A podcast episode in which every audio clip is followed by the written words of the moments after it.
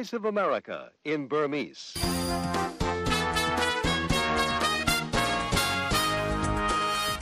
မင်္ဂလာမနက်ခင်းပါသောရရှင်များရှင်အမေရိကန်ပြည်ထောင်စုဝါရှင်တန် DC မြို့တော် VOA အမေရိကန်အတန်ရဲ့2021ခုနှစ်စက်တင်ဘာလ29ရက်နေ့ဗုဒ္ဓဟူးနေ့မနက်ခင်းစီစဉ်တွေကိုလိုင်းဒိုမီတာ25 40 50တစ်တို့ကနေဓာတ်ရိုက်စတင်ထုတ်လွှင့်နေပါပြီရှင်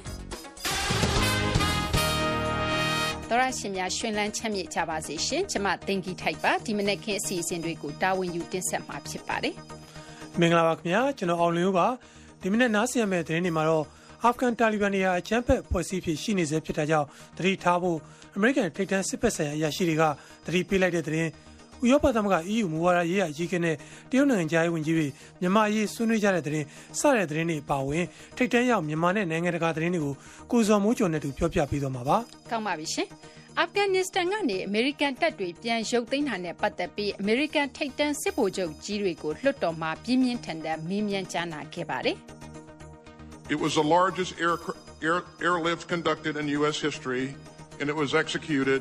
in 17 days. American ကာကွယ်ရေးဝန်ကြီးပါရှင်။ကြာခင်မှာတင်ပြပေးပါမယ်။အာဖဂန်ကနေအမေရိကန်တပ်တွေပြန်ရုပ်တဲ့ကိစ္စကအိန္ဒိယနဲ့ပါကစ္စတန်ဆက်ဆံရေးအပေါ်မှာတက်ရောက်မှုရှိလာနိုင်ပါသလား။ထိုင်းနိုင်ငံမှာတော့ကပ်ဘေးယောဂအတွင်းလိုအပ်သူတွေကိုဖုံးတော်ကြီးတွေကအကူအညီပေးနေတဲ့အကြောင်းတရားမဝင်မြန်မာလုံသားတွေအပါအဝင်ရွှေ့ပြောင်းလုံသားတွေကိုထိုင်းမှာအထောက်ထား ထုတ်ပေးမဲ့အခြေအနေစတဲ့သတင်းဆောင်ပါတွေကိုလည်းထုတ်လွှင့်ပေးဖို့ရှိပါတယ်။ American နိုင်ငံရေးအကြောင်းသိကောင်းစရာနဲ့အင်္ဂါနေ့ညချဆွေးနွေးကန်တို့ကိုလည်းပြန်ပြီးတော့နားဆင်ကြရဖို့ရှိပါတယ်။အခုရင်ဆုံးတော့ထိတ်တန့်ရောက်သတင်းတွေကိုကိုအောင်လွင်ဦးနဲ့ကိုဇော်မှုကျော်တို့ပြောပြပေးပါမယ်ရှင်။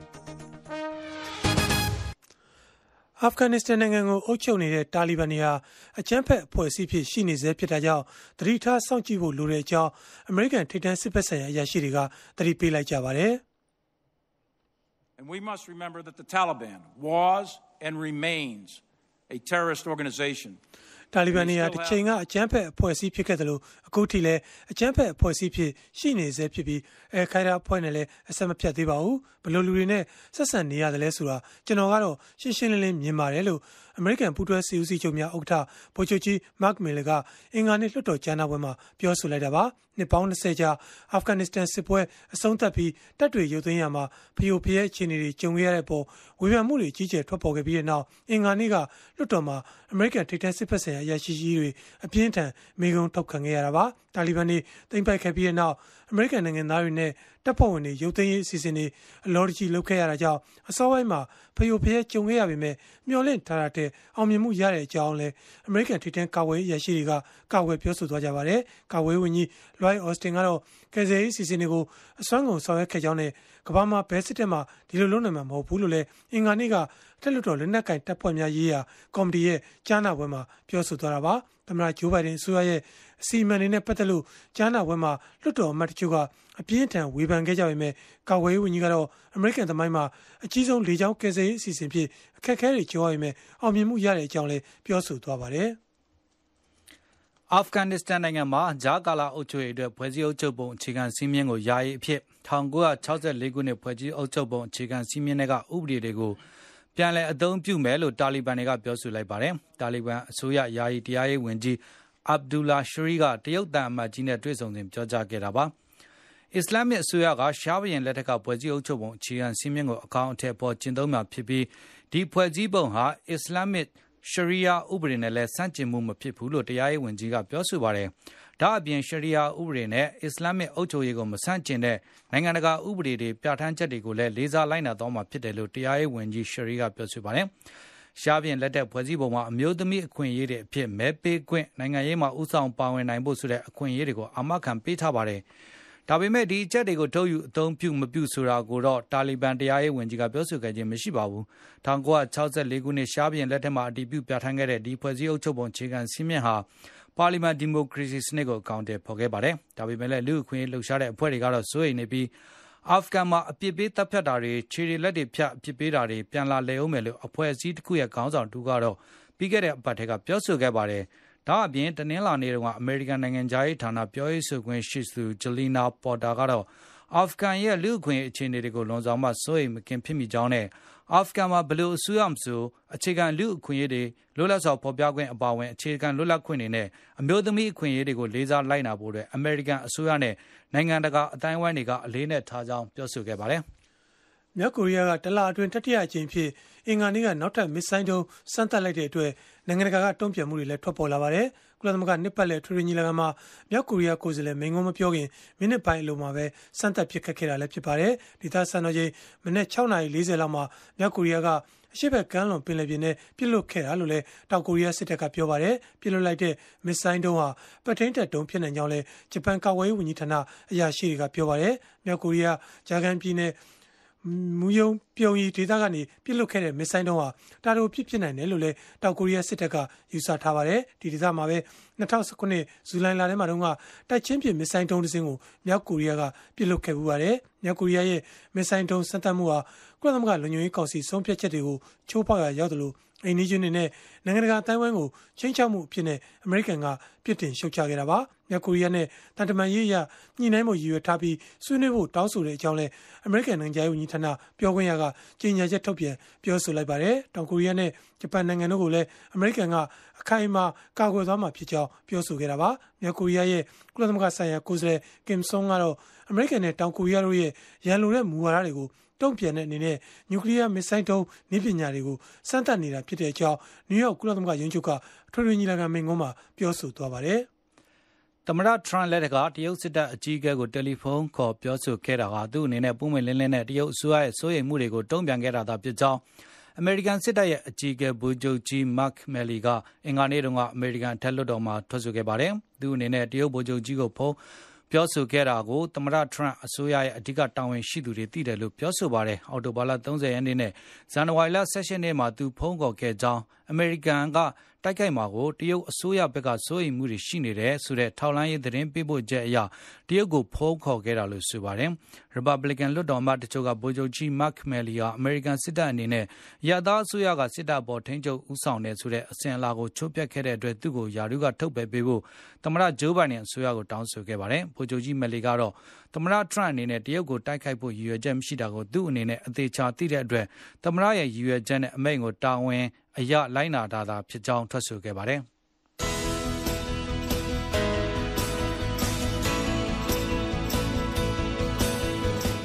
VOA အမေရိကန်တန်မနက်ဖက်မြန်မာဘာသာအစီအစဉ်တွေကိုမနက်6နာရီကနေ9နာရီထိလိုင်းဒိုမီတာ24 kHz 1213ည လိုင်းဒိုမီတာ40 kHz 9413ညလိုင်းဒိုမီတာ51 kHz 9895နဲ့လိုင်းလမီတာ190 kHz 1505တို့ကနေထုတ်လွှင့်ပေးနေပါတယ်ရှင်။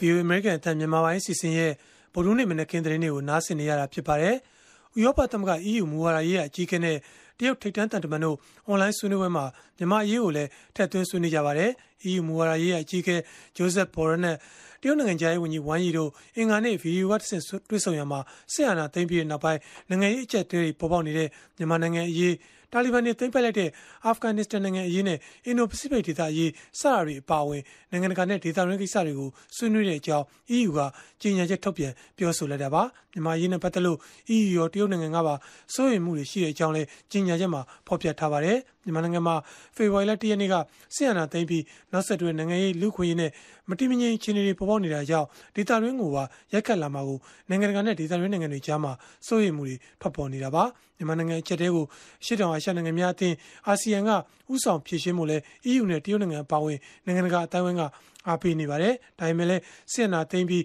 ရှစ်လလောက် ရှိလာတဲ့အချိန်ထိ နိုင်ငံရေး တင်းမာမှုတွေနဲ့ လက်နက်ကိုင်ပြစ်ခတ်တွေ ဆက်လက် ပေါ်ပေါက်နေတာကြောင့် ပုံစံသစ်နဲ့ ချင်းကပ်ဖြည့်ရှင်းကြဖို့လဲမြန်မာနိုင်ငံဆိုင်ရာ ကုလသမဂ္ဂ လူ့ခွင့်ရေးထူးကိုယ်စားလှယ် Tom Andrews ကလည်း မကြသေးရင်တော့ပဲ တိုက်တွန်းထားပါတယ်။ထိုင်းမြန်မာနယ်စပ် ကမ်ချနာဘူရီပြည်နယ်နဲ့ ထိုင်းမလေးနယ်စပ် ဆုံခလာပြည်နယ်ထဲမှာ ဒီရက်ပိုင်းတွင်လူမောင်ခို ကူးမှုတွေနဲ့ဖမ်းပြီးတဲ့မြန်မာနိုင်ငံသားတရားထက်မနည်းရှိနေပြီဖြစ်ကြောင်းအလုသမားရေးဆောင်ရွက်တဲ့အဖွဲ့တွေကပြောဆိုပါတယ်။အလုသမားတွေဟာအလုရဖို့လာကြရင်းနဲ့လူမောင်ခိုပွဲစားတွေရဲ့တားကောင်တွေဖြစ်ခဲ့ရတယ်လို့ AACC အလုသမားကူညီရေးအဖွဲ့ပြောရေးဆိုခွင့်ရှိသူကိုရဲမင်းကပြောဆိုပါတယ်။ဒီလူသားတွေကတော့အခုလက်ရှိကတော့ဒီနေ့ကတော့ကြားမွေးလမ်းကြောင်းတွေကနေဆောင်ပေးနေတယ်ကျွန်တော်တို့ဒီကယ်ရီတွေဒီမှာပုံကူးတဲ့လူတွေကနေဒီကျွန်တော်တို့ပွဲသားတွေ တော့နှစ်ကောင်းကျော်ပြီးတော့လာတဲ့လူတွေဖြစ်ပါတယ်ထိုင်းမလေးနယ်စပ်မှာဖမ်းမိသူတွေကတော့တောထဲမှာလူကုန်ကူးသူတွေကဆွန့်ပစ်သွားကြတာဖြစ်ကြောင်းဆွန်ခလာပြည်နယ်ဟိုက်ယိုင်မြို့ကရွှေပြောင်းအလုပ်သမားအခွင့်အရေးကွန်ရက်ကပြောဆိုပါတယ်။ဖမ်းမိသူတွေတဲကတချို့ကတရားမဝင်ခိုးဝင်မှုနဲ့တရားရင်ဆိုင်နေရတာရှိသလိုတချို့ကလည်းလူကုန်ကူးမှုဥပဒေတွေနဲ့တရားရင်ဆိုင်နေရတာတွေရှိတယ်လို့ပညာရေးနဲ့ဖွံ့ဖြိုးတိုးတက်ရေးဖောင်ဒေးရှင်းကပြောဆိုပါတယ်။ဆွေဒင်နိုင်ငံကတိုက်ခွန်းတွဲတစ်ခုမှာအင်္ဂါနေ့အစောပိုင်းက ပောက်ကွဲမီးလောင်မှုကြောင့်လူ20ထက်မနည်းဒဏ်ရာရတာကြောင့်စိတ်မကောင်းဖြစ်ရတဲ့အကြောင်းဝန်ကြီးချုပ်ကပြောဆိုလိုက်သလိုစုံစမ်းစစ်ဆေးမှုတွေကိုအစိုးရကကူညီပေးနေတဲ့အကြောင်းလည်းပြည်ထောင်ဝန်ကြီးကပြောဆိုလိုက်ပါတယ်။ဆွေဒင်နိုင်ငံရဲ့ဒုတိယအကြီးဆုံးမြို့ဖြစ်တဲ့ဂေါ့ပေါက်မြို့လေကအနက်တဲ့အရက်မှာဒေသစံတော်ချိန်မနက်9နာရီလောက်ပောက်ကွဲမှုသတင်းရရှိခဲ့တဲ့အကြောင်းအရေးပေါ်ကယ်ဆယ်ရေးဝန်ထမ်းတွေကပြောဆိုခဲ့ကြတာဖြစ်ပါတယ်။တခြားအခန်းတော်တော်များကိုပါမိကုဆက်ပြန့်နှံ့ခဲ့ရကနေအရေးပေါ်ဝန်ထမ်းတွေလူတွေကိုကယ်ထုတ်ပေးခဲ့ကြရပါတယ်။မိကိုတော့နိုင်တော်ကြောင်မိသက်သမားတွေညှိမ့်သက်ခဲ့ကြရတာပါပြည်ထောင်ဝန်ကြီးမိုက်ကယ်ဒမ်ဘတ်နဲ့တူစတော့ဟုမ်းမြို့တော်ကသတင်းစာရှင်းလင်းပွဲအတွင်းမှာတော့ဝန်ကြီးချုပ်စတက်ဖန်လော်ဗန်ကတော့ထိခိုက်ခဲ့ရသူတွေအတွက်စိတ်မကောင်းဖြစ်ရတဲ့အကြောင်းနဲ့ဒီလိုဖြစ်ရမျိုးဟာလူအတိုင်းဝိုင်းတစ်ခုလုံးကိုပါထိခိုက်ရတဲ့အကြောင်းပြောဆိုသွားပါတယ် ပြည်ထောင်ဝန်ကြီးကတော့ပောက်ကွဲမှုဟာသွေးရိုးသားရိုးမဟုတ်တဲ့အကြောင်းနဲ့စုံစမ်းစစ်ဆေးသူတွေကဖြစ်နိုင်ရရှိနိုင်တဲ့အကြောင်းရင်းတွေအားလုံးကိုစုံစမ်းစစ်ဆေးနေတဲ့အကြောင်းပြောဆိုခဲ့တာပါအစာအုပ်ထဲမှာရှိနေတဲ့သူတယောက်ကိုတက်ခိုက်ဖို့ကြိုးပမ်းတဲ့လောက်ရမျိုးလဲဖြစ်ကောင်းဖြစ်နိုင်တဲ့အကြောင်းပြည်ထောင်ဝန်ကြီးကသတင်းစာရှင်းလင်းပွဲအတွင်းမှာပြောဆိုသွားပါတယ်အမေရိကန်ပြည်ထောင်စုမှာအသက်9နှစ်ကနေ17နှစ်အရွယ်ကလေးတွေတဲ့ကိုဗစ်အရေးပေါ်ကာကွယ်ဆေးအဖြစ်အသုံးပြုနိုင်ဖို့အတွက် အမေရိကန်အစိုးရတာဝန်ရှိသူတွေထံ တင်ပြတောင်းခံသွားမယ်လို့ Pfizer ဆေးကုမ္ပဏီနဲ့ BioTech ကာကွယ်ဆေးထုတ်လုပ်တဲ့ ဆေးကုမ္ပဏီတွေက အင်္ဂါနေ့မှာပြောဆိုလိုက်ပါတယ်။ကနဦးစမ်းသပ်ချက်တွေအရ အမေရိကန်စားတောက်ကုန်နဲ့ ဆေးဝါးစီစီရေးဌာန FDO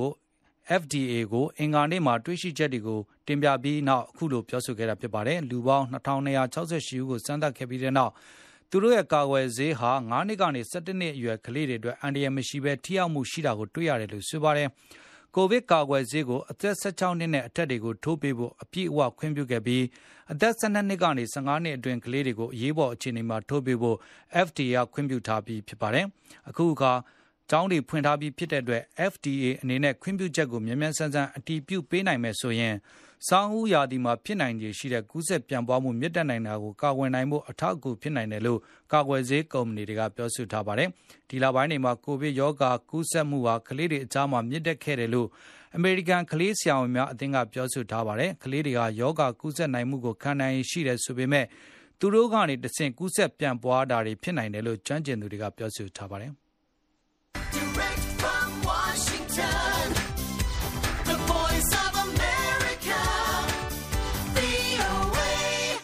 ထိတ်တန့်ရောက်သတင်းတွေကို ကိုအောင်လွင်ဦးနဲ့ကိုဇော်မိုးကျော်တို့ကြီးညာပေးခဲ့တာပါရှင်။ VOA မြန်မာပိုင်းစီစဉ်ရဲ့မနေ့ခင်ရေဒီယိုအစီအစဉ်ကိုရုပ်သံကနေပါတိုးချဲ့ထုတ်လွှင့်ပေးနေတာပါ။ဒါအပြင် VOA ရဲ့ website စာမျက်နှာဖြစ်တဲ့ burmese.voanews.com မှာအတန်လွှင့်ချိန်နဲ့တစ်ချိန်နဲ့ဓာတ်ရိုက်နားဆင်နိုင်ကြသလို VOA မြန်မာပိုင်းစီစဉ်ရဲ့လူမှုကွန်ရက် Facebook စာမျက်နှာမှာလည်းဓာတ်ရိုက်ထုတ်လွှင့်ပေးနေပါတယ်။အခုတော့သတင်းဆောင်ပါတွေကိုတင်ပြပေးပါမယ်ရှင်။ နှစ်ပေါင်း20ကြာ အာဖဂန်နစ္စတန်စစ်ပွဲ အဆုံးသတ်ပြီး တပ်တွေရုပ်သိမ်းတာမှာ ကြုံခဲ့ရတဲ့ အခြေအနေတွေနဲ့ ပတ်သက်ပြီး အမေရိကန် ထိပ်တန်း စစ်ဘက်ဆိုင်ရာ အရာရှိကြီးတွေ ကွန်ဂရက်လွှတ်တော်မှာ အပြင်းအထန် မေးခွန်းထုတ်ခံခဲ့ရပါတယ်။တပ်ရုပ်သိမ်းရေး အစီအစဉ် အစောပိုင်းမှာဖယိုဖယဲကြုံခဲ့ရပေမဲ့မျှော်လင့်ထားတာထက် အောင်မြင်မှု ရခဲ့ကြောင်းလည်း အင်္ဂါနေ့ လွှတ်တော်ကြားနာပွဲမှာ ကာကွယ်ပြောဆိုခဲ့ကြပါတယ်။ဒီအကြောင်း VOA သတင်းတောက် Jeff Seldon ရဲ့ သတင်းဆောင်ပါကို ကိုအောင်လွင်ဦး ပြောပြပေးပါမယ်ရှင်။ အာဖဂန်နစ္စတန်နိုင်ငံမှာ အမေရိကန်က ထောက်ခံတဲ့ အစိုးရပြုတ်ကျတာ အမေရိကန်တွေကို လေကြောင်းကနေ ကယ်ထုတ်တဲ့ အစီအစဉ်တွေ မအောင်မမြင် ဖြစ်ခဲ့တာ တာလီဘန်တွေ သိမ်းပိုက်လိုက်တာကြောင့် မဟာမိတ် အာဖဂန်တွေ အန်ဒီယန်နဲ့ ရင်ဆိုင်ကြရတာတွေအတွက် ဝေဖန်တဲ့နေအကြီးကျယ် ထွက်ခဲ့ပြီးတဲ့နောက် ကွန်ဂရက်လွှတ်တော်မှာတိုက်ရုပ်သိမ်းတဲ့ အစီအစဉ်နဲ့ ပတ်သက်လို့ ကြားနာခဲ့တာပါ ကာဝေးဝန်ကြီး Lloyd Austin ကတော့ ကယ်ဆယ်ရေး အစီအစဉ်တွေကို အစွမ်းကုန် ဆောင်ရွက်ခဲ့ကြောင်းနဲ့ ကမ္ဘာမှာ ဘယ်စစ်တပ်မှ ဒီလိုလုပ်နိုင်မှာ မဟုတ်ဘူးလို့လည်း အင်္ဂါနေ့ကထက်လွှတ်တော် လက်နက်ကိုင်တပ်ဖွဲ့များရေးရာ ကော်မတီ ကြားနာပွဲမှာ ပြောဆိုသွားပါတယ်။ It was the largest air, air, airlift conducted in U.S. history, and it was executed in 17 days. အမေရိကန်သမိုင်းမှာအကြီးဆုံးလေကြောင်းကယ်ဆယ်ရေးဖြစ်ပြီး18ရက်အတွင်းအပြီးလုပ်ခဲ့ပါတယ်။ မူလကလူပေါင်း9000ကနေ8000လောက်ထိကယ်တင်မှုစီစဉ်ခဲ့တာဖြစ်ပေမဲ့လက်တွေ့မှာ32400ကျော်ထိရှိခဲ့ကြောင်းလည်းကာဝေးဝန်ကြီးကပြောဆိုခဲ့တာပါ။ဒါပေမဲ့လည်းအပြည့်အဝအောင်မြင်တယ်လို့မဆိုနိုင်လို့မမျှော်လင့်မဲ့တာလီဘန်တွေကဘူးမြို့တော်ကိုသိမ်းပိုက်လိုက်တာကြောင့်လေစိတ်ကိုလူစုလူဝေးနဲ့ထွက်ပြေးလာကြရတာကြောင့်ပထမဆုံးနှစ်ရက်မှာလေကြောင်းကယ်ဆယ်ရေးလုပ်ငန်းတွေအခက်အခဲကြုံခဲ့ရတယ်လို့လည်းပြောပါတယ်။ We moved so many people so quickly out of Kabul that we ran into capacity and screening problems at intermediate staging bases outside Afghanistan. ကဘူးကနေလူတွေကိုတတ်နိုင်သလောက်အမြန်ဆုံးကယ်ထုတ်ခဲ့ပါတယ်။ဒါပေမဲ့လည်းအာဖဂန်နစ္စတန်ပြင်ပကစခန်းတွေမှာလူတွေပြည့်နေပြီးစီစစ်တဲ့လုပ်ငန်းတွေမှာလည်းပြဿနာတွေပေါ်ခဲ့ရပါတယ်။ အမေရိကန်နဲ့ မဟာမိတ်တပ်တွေစုခွာနေချိန်ဩဂုတ်လ26ရက်နေ့ကဟာမစ်ကာဇိုင်နိုင်ငံတကာ လေဆိပ်မှာ အသေးခံဘုံခွဲတက်ခတ်မှုကြောင့် အမေရိကန်တပ်ဖွဲ့ဝင်73ယောက်နဲ့ အာဖဂန်169ယောက် သေဆုံးတဲ့ ဖြစ်ရတဲ့ နောက်ရက်အနည်းငယ် အကြာမှာ အမေရိကန်ရဲ့ အဝေးထိန်း drone နဲ့တက်ခတ်မှုကြောင့် ကလေး9ယောက် အပါအဝင် အာဖဂန်ရဲသား10ယောက် သေဆုံးခဲ့တဲ့ ဖြစ်ရပ်ကိုလည်း ကာဝေးဝန်ကြီးက ကြားနာပွဲမှာ ထည့်သွင်း ပြောဆိုသွားပါတယ်။အာဖဂန်နစ္စတန်နိုင်ငံကနေ ထွက်ခွာခြင်းနဲ့ အမေရိကန်တွေကို ကူညီဖို့ စစ်တပ်အနေနဲ့ လက်လျှော့မှာ မဟုတ်ကြောင်းလည်း ပြောဆိုသွားခဲ့တာပါ။ ဒါပေမဲ့လည်းလွှတ်တော်အမတ်တချို့ကတော့အစိုးရရဲ့ဆောင်ရွက်ချက်တွေပေါ်အပြင်းထန်ဝေဖန်ခဲ့ကြတာပါ။ထက်လွှတ်တော်လက်နက်ကင်တပ်ဖွဲ့များရေးရာကော်မတီဝင်ထိပ်တန်း Republican အမတ် Jim Inhofe ကတော့ကြုံခဲ့ရတဲ့ဖြစ်ပျက်တွေဟာကြိုတင်ခံမှန်းလို့ရပေမဲ့သမ္မတဂျိုးဘိုင်ဒန်အစိုးရနဲ့အကြံပေးအရာရှိတွေဟာမြေပြင်တံမှုတွေရဲ့စကားကိုနားမထောင်ခဲ့ကြသလိုကွန်ဂရက်လွှတ်တော်ရဲ့စကားကိုလည်းနားမထောင်ခဲ့ကြဘူးလို့ကြားနာပွဲမှာပြောဆိုသွားပါတယ်။တာလီဘန်တွေထိန်းချုပ်လိုက်တဲ့အာဖဂန်နစ္စတန်နိုင်ငံကနေအချမ်းဖက်ဝါဒီရဲ့ချင်းချောက်မှုတွေကို တံပြန်နိုင်မဲ့အစီအစဉ်လည်းအမေရိကန်အစိုးရမှမရှိဘူးလို့ဝေဖန်သွားတာပါ။ဒါပေမဲ့လည်းကာဝေးဝန်ကြီးအော်စတင်နဲ့ကြားနာပွဲမှာထွက်ဆိုသွားတဲ့ပူးတွဲစီဦးစီးချုပ်များဥက္ကဋ္ဌဗိုလ်ချုပ်ကြီးမတ်မီလီတို့ကတော့အချမ်းဖက်ဝါဒီတံပြန်တက်ပြည့်လုပ်ငန်းတွေလုပ်ဖို့ခက်ခဲပေမဲ့အမေရိကန်လုံခြုံမှုရှိအောင်စစ်တပ်ကကြိုးပမ်းသွားမယ်အကြောင်းပြောဆိုခဲ့တာပါ။ That mission will be much harder now, but not impossible. And we will continue to protect the American people. ဒီလိုလုပ်ဖို့ အခုအခါပုံမခက်ခဲလာပေမဲ့ဖြစ်နိုင်တဲ့ကိစ္စတော့ မဟုတ်ပါဘူး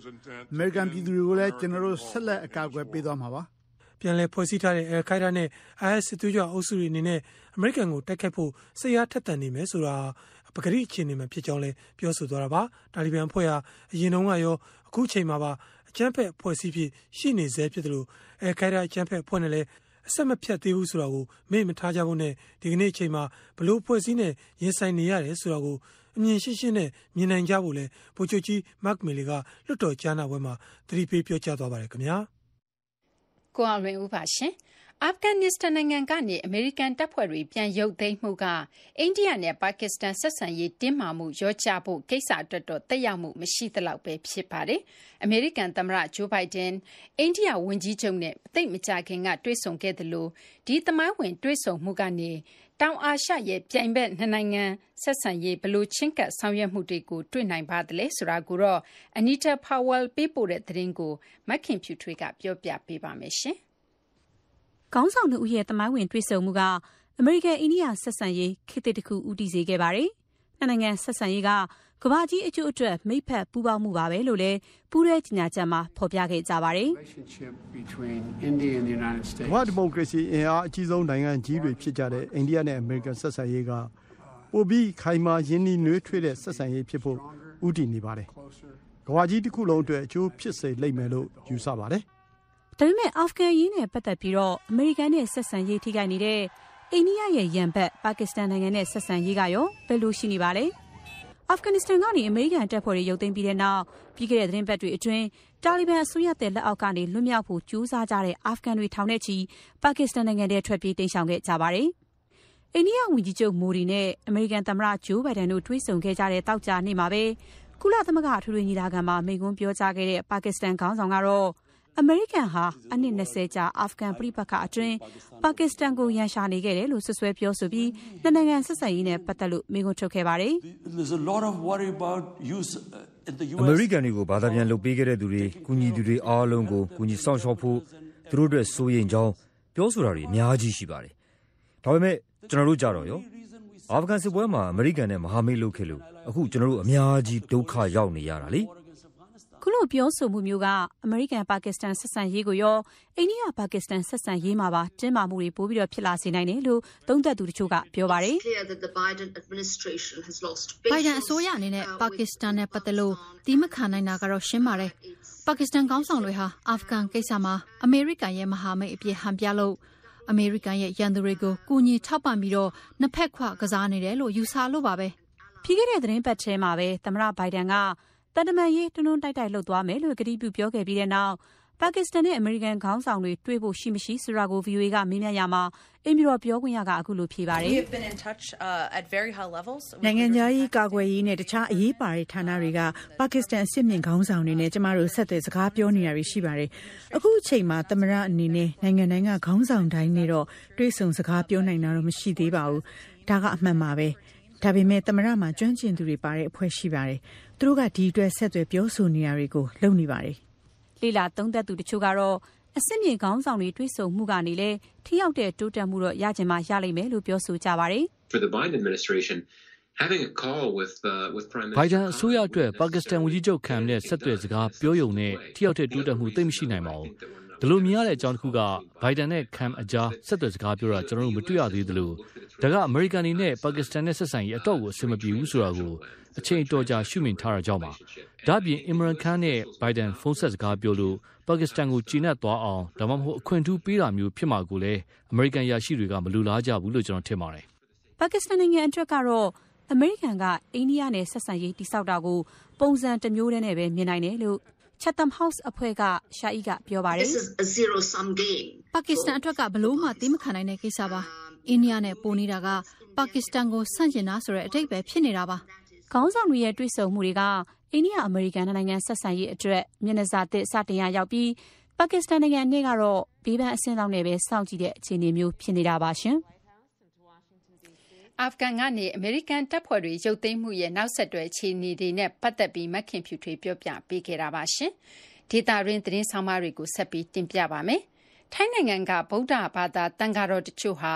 COVID-19 ကပ်ဘေးရောဂါဘေးအတွင်း စားဝတ်နေရေး အခက်တွေ့ကြတဲ့ ဒကာ ဒကာမတွေအတွက် ထရပ်ကားတစ်စီးနဲ့ လှည့်ပြီး ချက်ပြုတ်ပြီး စားတောက်စရာတွေကို လိုက်လံလှူဒန်း ဝေငှပေးနေပါတယ်။ဒီအကြောင်းကိုတော့ Reuters သတင်းဆောင်ပါကို အခြေခံပြီး မခွာညိုပြောပြပေးပါမယ်ရှင်။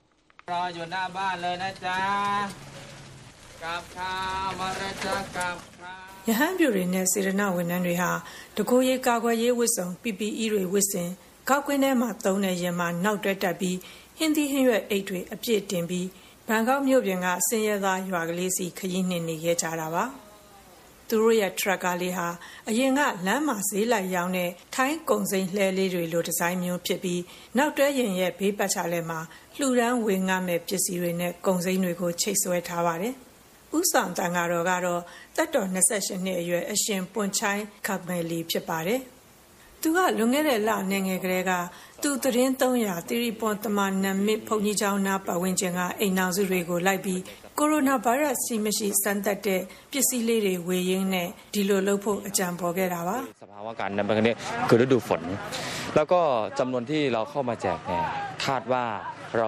"ဈေးဝယ်စင်တာမှာရှိတဲ့ အခြေခံပစ္စည်းအားလုံး ဘုန်းကြီးတို့ ထရပ်ပေါ်မှာရှိတယ်လို့ ပြောနိုင်ပါတယ်။တခြားလူတွေလိုပဲ ဘုန်းကြီးလည်း ဗိုင်းရပ်စ်ကူးမှာကို ကြောက်တာတော့ အမှန်ပါပဲ။ဒါပေမယ့်လည်း ပြောရမယ်ဆိုရင် ဘုန်းကြီးအနေနဲ့ကတော့ ဒုက္ခရောက်နေသူတွေကို အကူအညီမပေးနိုင်မှာကို ဗိုင်းရပ်စ်အကူးခံရမှာထက် ပိုစိုးရိမ်တယ် တကားတကမတွေ ထမင်းတနက်ဝဝလင်းလင်းစားရတယ်ဆိုရင်ကိုပဲ ကိုတော့အတွက် စိတ်ချမ်းသာလှပါပြီလို့လည်း အရှင်ပွန်ချိုင်းက မိန့်ပါတယ်တန်ဃာတော်တွေဟာ တနင်္ဂနွေနေ့တိုင်း ကုံစိမ်းလဲတစ်စီးနဲ့ ခောက်တုတ်ခောက်ပြန် ပစ္စည်းတယ်လိုက် သွားလူလိုက် လုပ်ငန်းအတွက်တန်ဃာတော်6ပါးလောက်နဲ့ စေတနာဝန်ထမ်းတကားတကမတွေကလည်း ဝိုင်းပြီးတော့ကူညီလှုပ်ဆောင်ပေးနေတာပါ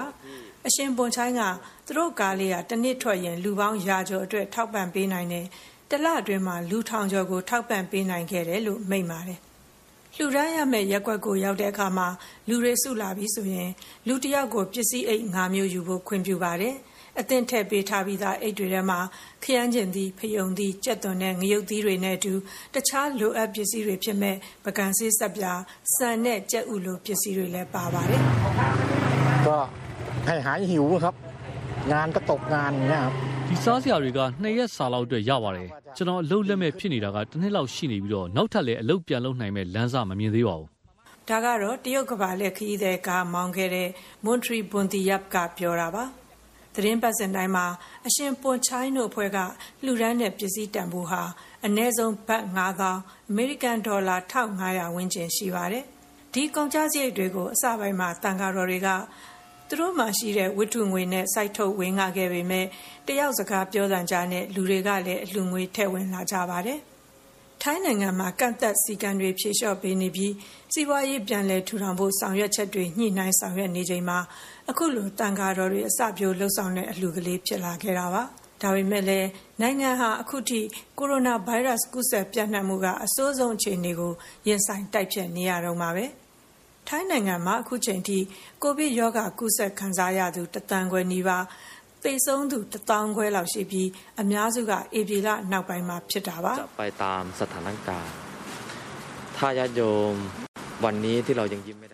လူတွေ ပြန်ပြီး ရည်နိုင်ပြုံးနိုင်လာကြပြီဆိုမှပဲ ဘုန်းကြီးတို့ရဲ့ ဒီအလုပ်တာဝန်ကို အဆုံးသတ်မှာပါ။”အရှင် ပွန်ချိုင်းက ဒီလိုသာ မိန့်ကြားပေမယ့်လည်း တကယ်တော့ သူတို့ကျောင်းအနေနဲ့ ဘယ်လောက်ကြာကြာဆက်ပြီးဒီလိုလှူဒန်းပေးဝေနိုင်မလဲဆိုတာကိုတော့သိပြီးမသေးကြပါဘူးဒါပေမဲ့လည်းသူ့ဘဲအချိန်မှရရမယ်ဆိုတာကိုတော့သူ့အလိုလိုသိလာလိမ့်မယ်လို့အရှင်ပွန်ချိုင်းကမျှော်လင့်နေပါတယ်ရှင်မခွာညိုပြောပြပေးခဲ့တာပါရှင်။ထိုင်းဘက်မှာတရားမဝင်လှုပ်သားတွေကိုအထောက်ထားလက်မှတ်ထုတ်ပေးမယ့်အကြောင်းပြောပြပါမယ်။ ထိုင်းနိုင်ငံမှာ ကိုဗစ်အရေးပေါ်ကာလအတွင်း ကပ်ရောဂါကာကွယ်ရေး ထိထိရောက်ရောက် လုပ်ဆောင်နိုင်ဖို့အတွက် အထောက်အထားမရှိတဲ့ မြန်မာအပါအဝင် လာအို၊ကမ္ဘောဒီးယား၃နိုင်ငံက လုပ်သားတွေကို ၂၀၂၃ ခုနှစ်အထိ အလုပ်လုပ်ခွင့်ရှိတဲ့ အထောက်အထားလက်မှတ်တွေ ထုတ်ပေးဖို့ ထိုင်းအစိုးရက စက်တင်ဘာလ ၂၈ ရက်နေ့မှာ အတည်ပြုပေးလိုက်ပါတယ်။ထိုင်းအခြေစိုက် VOA သတင်းထောက် မအေးအေးမာ သတင်းပေးပို့ထားပါတယ်။ထိုင်းနိုင်ငံမှာ ကိုဗစ်အရေးပေါ်ကာလအတွင်း ကပ်ရောဂါကာကွယ်ရေးကို ထိထိရောက်ရောက် လုပ်ဆောင်နိုင်ဖို့အတွက် အလုပ်သမားဝန်ကြီးက အထောက်ထားမဲ့တွေကို အလုပ်လုပ်ခွင့်လက်မှတ်တွေ ထုတ်ပေးဖို့ တောင်းဆိုထားချက်ကို ထိုင်းအစိုးရက ခွင့်ပြုပေးလိုက်တာပါ။ဒီအကြောင်းနဲ့ ပတ်သက်လို့ ရွှေ့ပြောင်းလုပ်သမား အခွင့်အရေးကွန်ရက်ရဲ့ဥက္ကဋ္ဌ ဦးအောင်ကျော်ကတော့ အခုလို သုံးသပ်ပြောဆိုပါတယ်။ကမ္ဘာ့ကူးစက်မြန်ခရောဂါ COVID-19 ဖြစ်နေတဲ့ကာလမှာ ထိုင်းနိုင်ငံမှာ ရောက်ရှိနေပြီးတော့မြန်မာ ကမ္ဘောဒီးယား လာအို အစရှိတဲ့ ပုဂ္ဂိုလ်များ အကြောင်းကြောင့်ဆရာဆရာတွေ ပြက်လက်တာတို့ ကုန်ဆုံးသွားတာလို့ဆိုရင်သူကဖြေလျှော့ပေးလိုက်တာမှန်လို့လေလုပ်သားကိုလည်းပြန်ရသလိုပြီးရင်ဒီလုပ်သားတွေရှိရနေမှာအခုတက်တန်းထိုးတဲ့ကလာကိစ္စနဲ့ပတ်သက်လို့ရရှိရမယ်ဒီကြည့်လေအမြင်များပါခင်ဗျာနံပါတ်1ကသူ့ရဲ့စီးပွားရေးကွန်ထရိုးလုပ်မှုမချက်စင်းသွားရအောင်လက်ရှိရောက်နေပြီးကြရှေ့ပြောင်းလို့ဒီမှာတွေအားလုံးပြန်ထင်ပေးလိုက်တာနံပါတ်2ကသူကဖြေလျှော့တယ်လို့ကဘာကိုချင်းညာပြီးမလို့ဒီလိုအပ်တဲ့ဗဏ္ဍာငွေတွေရအောင်ရှာဖွေတယ် လမ်းကြောင်းလည်းတစ်ခုပါနေလို့ကျွန်တော်သုံးသပ်ပါတယ်ခင်ဗျာကိုဗစ်ဒုတိယလှိုင်းဖြစ်တုန်းကလည်းအခုလိုမျိုးပန်းရောင်ကတ်လို့ခေါ်တဲ့အလုံးလုံးခွင့်အထောက်ထားလက်မှတ်တွေကိုထုတ်ပေးဖို့ပထမအကြိမ်ဖြစ်ခွင့်ပြုပေးခဲ့ပါတယ်။အဲ့ဒီအချိန်တုန်းကလည်းမြန်မာလူသားတွေတိတ်နဲ့ချီပြီးအထောက်ထားတွေလုပ်ခဲ့ပါတယ်။အခုလုပ်ပေးမဲ့အထောက်ထားလက်မှတ်ကတော့2023ခုနှစ်ဖေဖော်ဝါရီလလယ်အထိအလုပ်လုပ်ခွင့်ရမှာဖြစ်ပါတယ်။အထောက်ထားလက်မှတ်မရှိတဲ့မြန်မာနိုင်ငံသားတွေအတွက်ကတော့ဒီလက်မှတ်ထုတ်ပေးမဲ့အစီအစဉ်ဟာအကျိုးရှိပါတယ်ဆိုပြီးဦးအောင်ကျော်ကတော့ဆိုပါတယ်။ တရားမဝင်နေတဲ့ဒီမှာဘာဆိုင်ဆက်ကမှမရှိရင်အလုပ်ရှင်တွေကလည်းဟိုနိုင်ငံတော်အစိုးရတတ်မှတ်ထားတဲ့နှုန်းသားတွေမပေးဘဲနဲ့ထင်တယ်လို့ခိုင်းထင်တယ်လို့လုပ်တာမျိုးဖြစ်နေတဲ့အတွက်ကြောင့်ဒါအကျိုးမြတ်ရှိပါတယ်ထိုင်းနိုင်ငံတွင်ရောက်ရှိနေပြီးသား အထောက်ထားမဲ့တွေအတွက် လာမယ့် အော်တိုဘာလကစပြီး လက်မှတ်တွေကို စတင်လုပ်ပေးမှာ ဖြစ်ပါတယ်။ဒီအထောက်ထားလက်မှတ်တွေဟာနေမြေတစ်ခုနဲ့တစ်ခု ဖြတ်ကျော်သွားလာခွင့်တွေတော့ မရှိပါဘူး။ထိုင်းအစိုးရကတော့ ကိုဗစ်ကပ်ဘေးကြောင့် ကျဆင်းနေတဲ့ စီးပွားရေးကိုနလန်ထူနိုင်ဖို့အတွက် အော်တိုဘာလကစပြီး ကူးစက်မှုတွေ ထိန်းချုပ်နိုင်တဲ့ ပြည်နယ်တချို့မှာ ဖြေလျှော့မှုတွေလုပ်ဖို့ ရည်မှန်းထားပါတယ်။လာမယ့်2022ခုနှစ် နှစ်စကစပြီး မြန်မာအပါအဝင် အိန္ဒိယချင်းနယ်စပ်တွေကို ပြန်ဖွင့်ဖို့လည်း ပြင်ဆင်ထားပါတယ်ရှင်။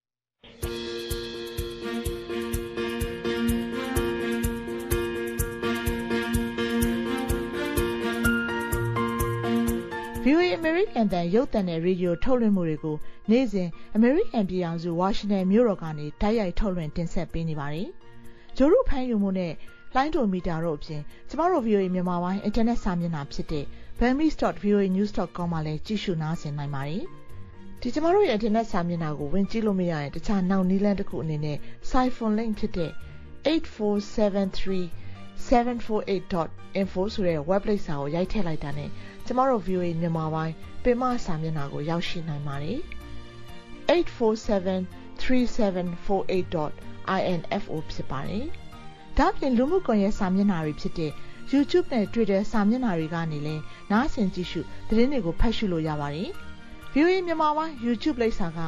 youtube.com/voaburmese channel ဖြစ်ပါတယ်။စလုံးပေါင်းက VOA BURMESE CHANNEL ဖြစ်ပါတယ်။ YouTube စာမျက်နှာကိုရောက်ပြီဆိုရင် VOA Burmese လို့ရိုက်ထည့်လိုက်ရင်လည်းကျမတို့စာမျက်နှာကိုရောက်နိုင်ပါတယ်။ Twitter မှာဆိုရင်တော့ twitter.com/voaburmese ဖြစ်ပါတယ်စလုံးမောင်းက twitter.com/voaburmese ဖြစ်ပါတယ်အတန်နဲ့ထုတ်လွှင့်ချက်တွေကို SoundCloud ကနားထောင်ခြင်းနဲ့ဆိုတော့ soundcloud.com/voaburmese ဖြစ်ပါတယ်။ VOA American တန်ရုပ်သံနဲ့ရေဒီယိုထုတ်လွှင့်ချက်တွေကို မြန်မာပြည်သူတွေစီအရောက်ပို့ပေးနိုင်ဖို့အစီအမြဲကြိုးပမ်းနေပါတယ်ရှင်။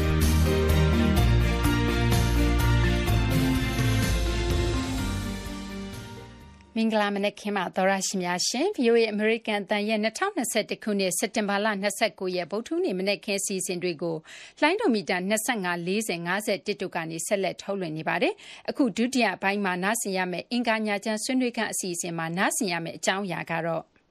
မြန်မာဒီမိုကရေစီလမ်းကြောင်းပေါ်ပြန်လည်ရောက်ရှိရေးအတွက်ကိုရီးယားနိုင်ငံဘက်ကနေပြီးတော့အစွမ်းကုန်ကူညီသွားမယ်မြန်မာဒီမိုကရေစီရေးကိုဆောင်ရွက်နေတဲ့ပုံပုံမြည်သူမဆို ING ဆိုအပါအဝင်ကိုရီးယား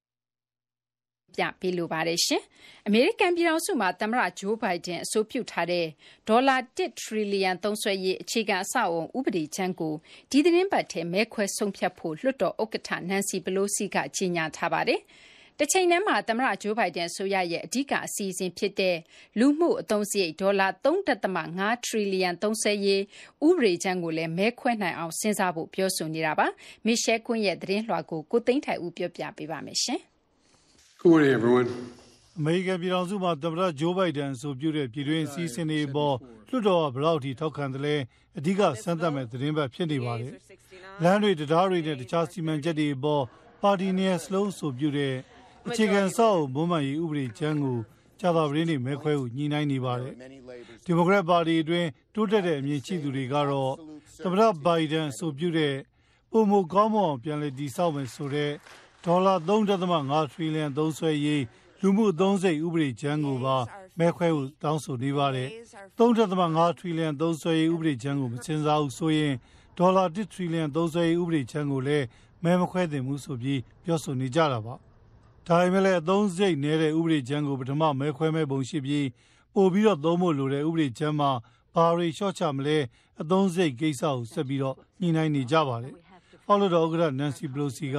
ABC ရုပ်သံကိုအခုလိုပြောပါတယ် But this isn't about moderates versus progressives. ဒီကိစ္စကသဘောထားမတင်းမာသူတွေနဲ့ progressive တွေကြားအငင်းပွားရမယ်ပဋိပက္ခမဟုတ်ပါဘူး။ အားလုံးကိုကြည့်ရင် ကျမတို့ လွှတ်တော်အဖွဲ့အစည်းတစ်ခုလုံး တချို့ကလွဲလို့ အများစုက ဂျိုးဘိုင်ဒန်ရဲ့ မျှော်မှန်းချက်တွေကို လက်ခံကြပါတယ်။ကျမတို့ ဒီဥပဒေကြမ်းကို အတီးပြုတ်ပါမယ်။ရှေ့ကိုဆက်သွားနိုင်အောင် ဒီသတင်းပတ်ထဲမှာ လုပ်ပါမယ်။ဒါပေမဲ့လည်း တခြားကိစ္စတစ်ခုကတော့ အော်တိုဘာလလယ်မှာ အမေရိကန်ဆိုရသုံးစိတ်ပြတ်တော့မဲ့အရေး ရင်ဆိုင်နေရတယ်ဆိုပြီး သတင်းတွေ ထွက်လာပါတယ်။အစိုးရချင်းငွေရယူနိုင်တဲ့ အကန့်အသတ်ကို လွှတ်တော်က တိုးပေးရပါလိမ့်မယ်။ဒါမှ အစိုးရတည်ပြုထားတဲ့ စီရေးလူမှုဖူလုံရေးကိစ္စတွေပါဝင်သုံးရမယ့်ကိစ္စတွေတော်တော်များများငွေချေးယူသုံးစွဲနိုင်မှာပါပြီးခဲ့တဲ့သတင်းပတ်ထဲကပဲလူနည်းစု Republican ခေါင်းဆောင် Mitch McConnell ကအစိုးရငွေချေးယူသုံးစွဲနိုင်တဲ့ပမာဏထပ်တိုးဖို့အရေးမှာဒီမိုကရက်တွေကို Republican တွေကမကူညီနိုင်ဘူးဆိုပြီးပြောဆိုနေပါတယ်ဒေါ်လာ3 trillion ခွဲသုံးစွဲမဲ့ဥပဒေချမ်းကိုတောင်းမှ Republican တွေသဘောမတူတဲ့ကြားကုဘာသာတီပြို့စဉ်းစားနေချိန်မှာ အစိုးရသုံးစိတ်ကိစ္စလည်းကုဘာသာဆက်ပြီးလုပ်တဲ့နယ်လို့တောင်မှ Mitch McConnell ကဝေဖန်ပြောခဲ့တာပါ Don't play Russian roulette with our economy. Step up. ကြည်တောင်းထည့်ပြီးကန်ဆိုးကန်ကောင်းမောင်းခလုတ်ဆွဲကစားတဲ့အန်ဒီယကြီးတဲ့ရုရှားရူလက်ကစားနည်းတစ်မျိုးနဲ့ကျွန်တော်တို့စီးပွားရေးကိုမကစားစေချင်ပါဘူး။ဒီနှစ်ပတ်လုံးတောက်လျှောက်စီစဉ်ခဲ့တဲ့လိုအပ်တဲ့အသုံးစရိတ်တွေကာမိအောင်အစိုးရရဲ့ငွေချေးယူနိုင်တဲ့ပမာဏကိုထပ်တိုးမြင့်နိုင်အောင်စလုပ်ရပါလိမ့်မယ်။ တကယ်လို့လွှတ်တော်ကသာသုံးစိတ်ဥပဒေချမ်းကိုဒီတစ်ပတ်တည်းအတည်ပြုမပေးဘူးဆိုရင်အစိုးရလုပ်ငန်းဆောင်တာတွေတစ်စိတ်တစ်ပိုင်းအဖြစ်ရပ်ဆိုင်သွားနိုင်ပါတယ်။အထက်လွှတ်တော်ကတော့အောက်လွှတ်တော်ရဲ့အတည်ပြုချက်နဲ့အစိုးရငွေချေးသုံးစွဲနိုင်တဲ့ပမာဏကိုတိုးပေးမဲ့ဥပဒေချမ်းအတည်ပြုပေးဖို့စဉ်းစားနေပါတယ်။ဒီလိုအတည်ပြုမဲ့အစိုးရသုံးစိတ်တွေထဲမှာတဘာဝဘေးရန်တွေရင်ဆိုင်ရတဲ့သူတွေကိုကူညီထောက်ပံ့ရေးနဲ့အာဖဂန်ဒုက္ခသည်တွေကိုကူညီရေးကိစ္စတွေပါဝင်ကြောင်းပါခင်ဗျာ။ ဦးသိန်းထဲဦးပါရှင်။အင်္ဂါညချမ်းဆွေးနွေးခန်းကိုနားဆင်ကြရအောင်ပါ။ဂျားကာလာအမျိုးသားညီညွတ်ရေးအစိုးရ NUG ရဲ့နိုင်ငံတကာကိုယ်စားလှယ်တွေအနေနဲ့သက်ဆိုင်ရာနိုင်ငံတွေမှာ NUG ကိုကိုစားပြုပြီးတရားဝင်တွေ့ဆုံဆွေးနွေးခွင့်လမ်းကြောင်းတစ်ခုရသွားတယ်လို့ပြောကြပါတယ်။သူတို့ရဲ့အဓိကတာဝန်တွေနောက်လက်ရှိဘာတွေလှုပ်ဆောင်နေပြီးအခက်အခဲတွေကရောဘာတွေများရှိနေပါသလဲ။ UK ဆိုင်ရာ NUG ကိုယ်စားလှယ် ဒေါက်တာသက်ကိုကို တောင်ကိုရီးယားဆိုင်ရာ NUG ကိုယ်စားလှယ်ဥယျာဉ်နိုင်ထွန်းတို့ကို ကိုကျော်ကျော်သိန်း ဆက်သွယ်မေးမြန်းထားပါတယ်ရှင်ဒေါက်တာသက်ကိုကိုဥယျာဉ်နိုင်ထွန်း အခုလို VOE ဆွေးနွေးခန်းအစီအစဉ်မှာချိန်ပြီးတော့ ပါဝင်ဆွေးနွေးပေးတဲ့အတွက် ကျေးဇူးတင်ပါတယ်ခင်ဗျ မင်္ဂလာပါခင်ဗျဟုတ်ကဲ့ မင်္ဂလာပါခင်ဗျာပါခင်ဗျာဆိုတော့ပထမဦးဆုံး ကျွန်တော် ဒေါက်တာသက်ကိုကိုနဲ့ စလိုက်ပါမယ် ဒေါက်တာသက်ကိုကိုကဒီ UK နဲ့ Ireland ပေါ့နော်ကျွန်တော်တို့အင်္ဂလန်လို့ပြောမလား UK လို့ပြောမလားဟိုဒေါက်တာတက်ကူကူကပိုသိပါမယ်ဒီအင်္ဂလန်ဘက်ကအင်္ဂလန်ဘက်မှာဂျာကလာအမျိုးသားညီညွတ်ရေးဆိုရ NUG ရဲ့ကိုယ်စားလှယ်အနေနဲ့လုပ်နေတယ်လို့ကျွန်တော်သိထားပါတယ်ကိုရန်နိုင်ထုံးကတော့တောင်ကိုရီးယားမှာလို့ကျွန်တော်သိထားပါတယ်ဆိုတော့ဒေါက်တာတက်ကူကူအဲ့ဒီမှာဒေါက်တာတက်ကူကူအနေနဲ့ကဒီဘယ်လိုအတိမတ်ပြုမှုမျိုးကိုရထားပါလဲခင်ဗျ ဟုတ်ကဲ့ခုနအဲကျွန်တော်မိကွန်းလေးကိုပြန်ဖြေလို့ရှိရင်အင်္ဂလန်ဆိုတာကတိုင်းဟိုပါပေါ့နော် state တစ်ခုလိုမျိုးပေါ့နိုင်ငံတစ်နိုင်ငံဖြစ်ပါတယ်အင်္ဂလန်နဲ့တူတူဘာရှိလဲဆိုရင် Northern Ireland ရဲ့ Wales ရဲ့ Scotland ရဲ့ဆိုပြီးရှိပါတယ်အဲ့ဒါကိုစုပေါင်းပြီး United Kingdom of Great Britain and Northern Ireland လို့ခေါ်ပါတယ်ပြီးတော့နောက်တစ်ခုကတောင်ပိုင်း Ireland ကျ Republic of Ireland တီးသတ်လွတ်လပ်တဲ့နိုင်ငံမှာ အဲ့တော့အခုလောလောဆယ်တော့ကျွန်တော်တို့ခံထားတာ United Kingdom of Great Britain and Northern Ireland ကိုခံထားပါတယ်ကျွန်တော်တို့ဟို Ireland ကိုတော့ကျွန်တော်တို့ကအမြဲတမ်း Ireland ဆိုတာအမြဲတမ်း UK လက်အောက်ခံမဟုတ်တော့ညာလေ UK နဲ့တော်တော်လေးနီးကပ်တဲ့အတိုင်းဖြစ်တဲ့အတွက်အစင်လာရတော့ပေါ့နော်အရင်ကတအမတ်ကြီးတွေဆိုရင်တော့အဲ့လိုပဲတွဲခံပါတယ်အဲ့တော့အခုတော့ကျွန်တော်တို့တော့ Ireland ဘက်ကိုတာဝန်ပေးထားခြင်းမရှိပါဘူးဟုတ်လို့စီပေါ့နော်ပြီးတော့ဟုတ်ကဲ့ Northern Ireland အတွက်ပါပါတယ်ကျွန်တော်တို့ဒါပေမဲ့ကျွန်တော်တို့နောက်ပိုင်းလည်း ပေးမယ်လို့ကျွန်တော်မျှော်လင့်ပါတယ်ပေါ့နော်အခုကျွန်တော်တို့ခန့်ထားတာ2ယောက်ဖြစ်ပါတယ်အဲအကိုကြီးဥမမောင်အောင်နဲ့ကျွန်တော်လည်း2ယောက်ဖြစ်ပါတယ်ဘာလို့2ယောက်ခန့်ထားလဲဆိုတော့ကျွန်တော်တို့ဒီမှာလုတ်ဖို့ဟာတွေတော်တော်များတယ်ပေါ့နော်ပြင်ဒီမှာ community တွေကလည်းအများကြီးရှိတယ်ဟိုကချင်ကရကင်ချင်းမွန်ရခိုင်ရှမ်းပေါ့နော်ဗမာရောပါပါတယ်ပြီးလို့ရှိရင်ဟိုအဲလာတဲ့လူတွေကလည်းအမျိုးမျိုးပေါ့နော်အလွှာအသီးသီးအမျိုးမျိုးရှိတယ်ပြီးလို့ရှိရင်ရိုဟင်ဂျာတွေလည်းရှိတယ်မြန်မာမွတ်စလင်တွေလည်းရှိတယ်အဲ့ဒါတွေနဲ့အားလုံးကျွန်တော်တို့ချိတ်ချိတ်ဆက်ပြီးတော့အားလုံး လှုပ်ဆောင်မှာဖြစ်ပါတယ်အဓိကတော့ကျွန်တော်တို့ NUG ရဲ့ဟိုပါပေါ့နော်ဒီကိုယ်စားလှယ်အနေနဲ့ကတော့ English ဟို UK အစိုးရနဲ့ကျွန်တော်တို့ထိုက်ရိုက်ဆက်ဆံပြီးတော့ပူးပေါင်းဆောင်ရွက်သွားဖို့ဖြစ်ပါတယ်ဆိုတော့ကိုဟုတ်ကဲ့ဒေါက်တာကူကူတို့ကို UK အစိုးရကဘယ်လိုအတိမတ်ပြုထားလဲဗျာဟုတ်ကဲ့ကျွန်တော်တို့အဲ့ဒီ NUG ကသူတို့ခန့်တဲ့အကြောင်းလှမ်းပြီးအကြောင်းကြားပါတယ်ကျွန်တော်တို့ကလည်းအကြောင်းကြားပါတယ်ကျွန်တော်တို့ခန့်တဲ့အကြောင်းအခုသူကျွန်တော်တို့တော့ပြန်ပြီးသူတို့ကဟိုပါပေါ့နော်ဟိုအကြောင်းကြားစာရပါပြီသူတို့ ဟိုလက်ခံတဲ့အကြောင်းပေါ့နော်ဒါပေမဲ့ဟိုလိုမျိုးကြီး UK အစိုးရကတော့အမှန်တိုင်းပြောရရင်သူတို့ကဟိုဟိုအခုလောလောဆယ်မှာတော့ NUG အစိုးရကိုလုံးဝအတိမတ်ပြုတယ်လို့မကြေညာပါဘူးသူကနောက်လာမယ့်အစိုးရအနေနဲ့ပဲသူကသတ်မှတ်ထားတဲ့သဘောရှိပါတယ်ပြီးလို့ရှိရင်ပူးပေါင်းဆောင်ရွက်မယ်ပေါ်မြန်မာပြည်ဒီမိုကရေစီအရေးအတွက်ပေါ့အခုလောလောဆယ်သူကပြောပါတယ်ရန်ကုန်မှာထားတဲ့တိုင်ယုံကတဲ့တိုင်းပြည်အနေနဲ့ထားတာပါအစိုးရအနေနဲ့ထားတာမဟုတ်ပါဘူးလေရန်ကုန်မှာတိုင်ယုံထားခြင်းအဖြစ် စကားစာကိုအတိမတ်ပြုတာမဟုတ်ပါဘူးလို့သူတို့ပြောထားပါတယ်အခုလည်းကျွန်တော်တို့ ਨੇ ဆက်သွယ်ရပါပြီကျွန်တော်တို့လက်ခံရရှိသူတို့ကျွန်တော်တို့ကိုခန့်တာကိုလက်ခံရရှိကြောင်းရှေ့ဆက်ပြီးတော့သူတို့ ਨੇ တွေးဆုံဆွေးနွေးဖို့တွေရှိကြောင်းကျွန်တော်တို့အကြောင်းပြကြပါအော်ဟုတ်ပြီဆိုတော့ကိုရန်နိုင်ထွန်းရဲ့တောင်ကိုရီးယားမှာရောကိုရန်နိုင်ထွန်းကဘယ်လိုမျိုးတိမှတ်ပြုမှုရထားပါလဲဟုတ်ကဲ့ကျွန်တော်တို့ကိုဒီကိုရီးယားနိုင်ငံဆိုင်ရာမြန်မာကိုယ်စားလှယ်ဖြစ်ကျွန်တော်ကို မြို့သားညီရေးဆိုရရဲ့နိုင်ငံခြားရေးဝန်ကြီးကိုယ်တိုင်ကနေပြီးတော့ခန့်လွှာကိုကျွန်တော်ရရှိပြီးတဲ့အချိန်မှာကိုရီးယားသမ္မတအိမ်ပြတော်နဲ့ကိုရီးယားနိုင်ငံခြားရေးဌာနကိုကျွန်တော်ရဲ့ခန့်လွှာရကိုကျွန်တော်လှမ်းပြီးတော့အကြောင်းကြားခဲ့ပါတယ်။အီးမေးလ်ရတယ်ပို့သလိုဖုန်းနဲ့လည်းပေးပို့ခဲ့ပါတယ်။ပေးပို့ခဲ့ပြီးတော့ရက်သက်သက်ပတ်တစ်ပတ်လောက်လေးကြာလဲကြာတော့ကျွန်တော်ကိုကိုရီးယားနိုင်ငံရဲ့လွှတ်တော်နိုင်ငံခြားရေးရာကော်မတီရဲ့ဥက္ကဋ္ဌအနေပြီးတော့ကျွန်တော်ကိုခေါ်တွေ့ပါတယ်။ခေါ်တွေ့တဲ့အချိန်မှာကျွန်တော်ရဲ့ခန့်လွှာကိုသူကလက်ခံရရှိယူပါတယ်။ယူပြီးတော့ကျွန်တော်တို့ IUG အစိုးရကိုကိုရီးယားအစိုးရအနေနဲ့ ဒီအတူတကွဒီမြန်မာဒီမိုကရေစီရေးအတွက်လက်တွဲပြီးတော့လှုပ်ဆောင်သွားပါမယ်လို့လည်းတရားဝင်ကြေညာပြီးသားဖြစ်ပါတယ်မြန်မာဒီမိုကရေစီလမ်းကြောင်းပေါ်ကိုပြန်လည်ရောက်ရှိရေးအတွက်ကိုရီးယားနိုင်ငံဘက်ကနေပြီးတော့အစွမ်းကုန်ကူညီသွားမယ်မြန်မာဒီမိုကရေစီရေးကိုဆောင်ရွက်နေတဲ့ပုံကူမြည်သူမဆို ING ဆိုအပါအဝင်ကိုရီးယားအစိုးရအနေနဲ့အင်တိုက်အားတိုက်နဲ့ပူးပေါင်းဆောင်ရွက်သွားပါမယ်လို့ကျွန်တော်တို့ကခရီးစကားပြောကြားခဲ့ပါတယ်ဟုတ်ဆိုတော့ကျွန်တော်အခုဒေါက်တာတက်ကိုကိုနဲ့ကိုရင်နိုင်ထွန်းရှင်းပြတာကိုကျွန်တော်နားလေတာကဟလာ NUG ကနေပြီးတော့ ဒီဒီပုဂ္ဂိုလ်ဒီပုဂ္ဂိုလ်ကို NUG ရဲ့ဒီသက်ဆိုင်ရာနိုင်ငံတွေရဲ့ကိုယ်စားလှယ်ပြခန့်အကြောင်းဒီမှတ်ပြလာထုတ်ပေးလိုက်တယ်အဲ့ဒါကိုသူတို့သက်ဆိုင်ရာနိုင်ငံတွေလွှတ်တော်တွေစီကိုသက်ဆိုင်ရာပုဂ္ဂိုလ်တွေကနေပြီးတော့ပို့လိုက်တယ်ပို့လိုက်တဲ့စီမှာသူတို့စီကနေပြီးတော့အခုလိုအကြောင်းပြန်ကြားချက်တွေပြန်လာတာပေါ့နော်ဟုတ်ပါဆိုတော့ဒေါက်တာသက်ကိုကိုအခုလိုမျိုးဟလာဒဒီခုနလိုဟို UK ညောက်ပိုင်းအိုင်ယာလန်ကိုယ်စားလှယ်အဖြစ် NUG ကိုယ်စားလှယ်အဖြစ်အတိမတ်ပြုပြီးတော့လှုပ်ခွင့်ရတာက ဒေါက်တာသက်ကိုကိုတို့အခုလှုပ်ဆောင်နေတဲ့လှုပ်ရှားမှုနော်ဒေါ်လာရေးလို့ပြောကြတဲ့လှုပ်ရှားမှုအတွေ့ဘယ်လိုမျိုးအထောက်အကူပြုတယ်လို့မြင်ပါတယ်လေခင်ဗျဟုတ်ကဲ့အရင်ကောင်းတဲ့မေးခွန်းပါအဲ့ဒါဘယ်လိုလဲဆိုအရင်တော့ကတော့ကျွန်တော်တို့တွေကမြန်မာ community ပေါ့နော်ဒီတိုင်းပြည်မှာရောက်နေတော့မြန်မာတိုင်းရင်းသားတွေစုဖွဲ့ထားတော့မြန်မာလူမျိုးဟိုမြန်မာပြည်ပွားတွေစုဖွဲ့ထားတော့အဖွဲ့အစည်းတွေနဲ့အနေနဲ့ပဲကျွန်တော်တို့ကဟိုပြည်သူလူထုတရက်အနေနဲ့ပဲကျွန်တော်တို့ British အစိုးရကိုဟိုဟာဟိုပါပေါ့နော် ဟိုတွန်းအားပေးတာတို့နော်အကြောင်းကြားတာတို့တက်ဆိုင်ရာပါလီမန်အမတ်တွေကိုအကြောင်းကြားတာတို့အဲ့လိုလုပ်ခွင့်ရခဲ့ပါတယ်ဒါပေမဲ့လည်းအဲ့လိုလုပ်တာကြတော့ပြည်သူတယောက်အနေနဲ့ဖြစ်တယ်ပေါ့နော်ဒါပေမဲ့ကျွန်တော်တို့က position လေးတစ်ခုရသွားတာပေါ့ဟုတ်ရာထူးမဟုတ်ပါဘူးတာဝန်ရတာပါအဲ့ဒီဟာလေးရှိတော့ကျွန်တော်တို့ပြောတာဒီ NUG ရဲ့ voice ဖြစ်တယ်ဆိုတာကိုသူ recognize လုပ်ရပါတယ် channel တစ်ခုပေါ့ကျွန်တော်တို့ဒီဟိုတရားဝင်ကျွန်တော်တို့ သူတို့ ਨੇ တွေ့ဆုံဆွေးနွေးခွင့်ရတဲ့ chance ကို NUG ရရရှိပါတယ်ဟုတ်ကဲ့ဟုတ်ကဲ့ခင်ဗျကိုရန်ထွန်းရောဒီပုံမှာဘယ်လိုမြင်တယ်လဲဘယ်လိုထောက်ကူဖြစ်စီတယ်လို့မြင်ပါတယ်လဲ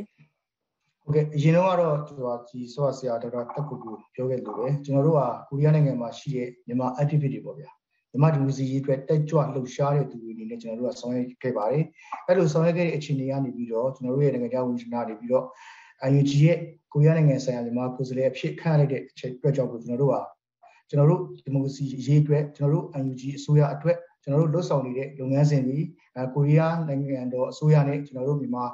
အစိုးရဖြစ်တဲ့ UNG ရဲ့ဂျားထဲမှာကျွန်တော်တို့ကပေါင်းမှုတရားတစ်ခုတစ်ပွဲဖြစ်သွားပါတယ်အရင်ရတဲ့ဆိုင်ကျွန်တော်တို့ကအစိုးရကိုစားပြောရေးဆိုခွင့်ရှိတဲ့ပုံစံတွေဖြစ်သွားတဲ့အတွက်ကြောင့်မလို့အရင်ရတဲ့ဆိုင်ကျွန်တော်တို့ရဲ့စကားတွေကျွန်တော်တို့ရဲ့ပြောစကားတွေကကိုရီးယားအစိုးရကြားထဲမှာဟလာကိုရီးယားနိုင်ငံတော်အကြီးအကဲတွေနဲ့ကိုရီးယားလွှတ်တော်အတိုင်းဝင်ကြားထဲမှာကျွန်တော်တို့ကထဲထဲဝင်ဝင်နဲ့ကျွန်တော်တို့ချီချီကြောက်ကြောက်ပို့ပြီးတော့ ပြောဆိုနိုင်တဲ့အခြေအနေကိုရရှိသွားပါတယ်ဟုတ်ဆိုတော့ငကိုတော့ကဆိုရင်တော့ဟလာသက်ဆိုင်ရာနိုင်ငံတွေမှာကိုယ်စားလှယ်လူမျိုးမရှိတဲ့အခါကျတော့ဒီကဟလာအစိုးရပဲဖြစ်ဖြစ်လွှတ်တော်ပဲဖြစ်ဖြစ်တခြားဟလာပံ့ပိုးမဲ့သူတွေပဲဖြစ်ဖြစ်ဆက်သွယ်တဲ့အခါမှာတိုက်ရိုက်ဆက်သွယ်ဖို့အတွက်အချိန်ယူရမယ်နှောင့်နှေးကြံ့ကြံ့အခုတော့ဒီလိုမျိုးကိုယ်စားလှယ်ရှိလာတဲ့ယုံရှိလာတဲ့ကိုရန်ထွန်းတို့ဆိုရင်ကျွန်တော်တွေ့တာယုံအဖွဲ့တွေပါတယ်နဲ့ပါရှိတယ်ဆိုတော့တော့တက်ကိုကိုလိုလည်းလူမျိုးရှိမယ်လို့ကျွန်တော်ခံမှန်းပါတယ်ဆိုတော့အဲ့ဒါကပို့ပြီးတော့ဆက်သွယ်ရေးလမ်းကြောင်း လုပ်ငန်းလမ်းကြောင်းမှာပို့ပြီးတော့မြန်ဆန်တွက်လက်ချောမွေ့လာမယ့်သဘောလို့အဲ့လိုနားလည်ရမှာပေါ့နော်မှန်ပါတယ်ခင်ဗျဟုတ်ဆိုတော့ဒေါက်တာတက်ကိုကိုအဓိကလုပ်ငန်းတာဝန်တွေအနေနဲ့ဘာတွေရှိပါသလဲအဓိကလုပ်ငန်းတာဝန်တွေကပေါ့နော်မြန်မာပြည်သူတွေရဲ့အတန်နဲ့ NUG ရဲ့ policy တွေအတန်တွေကိုကျွန်တော်တို့ကနေပြီးတော့ UK အစိုးရနဲ့ UK Parliament ကိုဟိုပေါ့နော်ပို့တဲ့ messenger တွေဖြစ်ပါတယ်ပြီးလို့ရှိရင်နောက်တာဝန်တစ်ခုကတော့ဒီတိုင်းပြည်မှာရောက်ရှိနေတော့ ပြည်တော်စုဘွားမြန်မာတိုင်းရင်းသားအားလုံးလူမျိုးမျိုးဘာသာမျိုးကျွန်တော်တို့စီလုံးမှုကိုရရှိပြီးတော့အဲ့ဒီစီလုံးမှုကနေပြီးတော့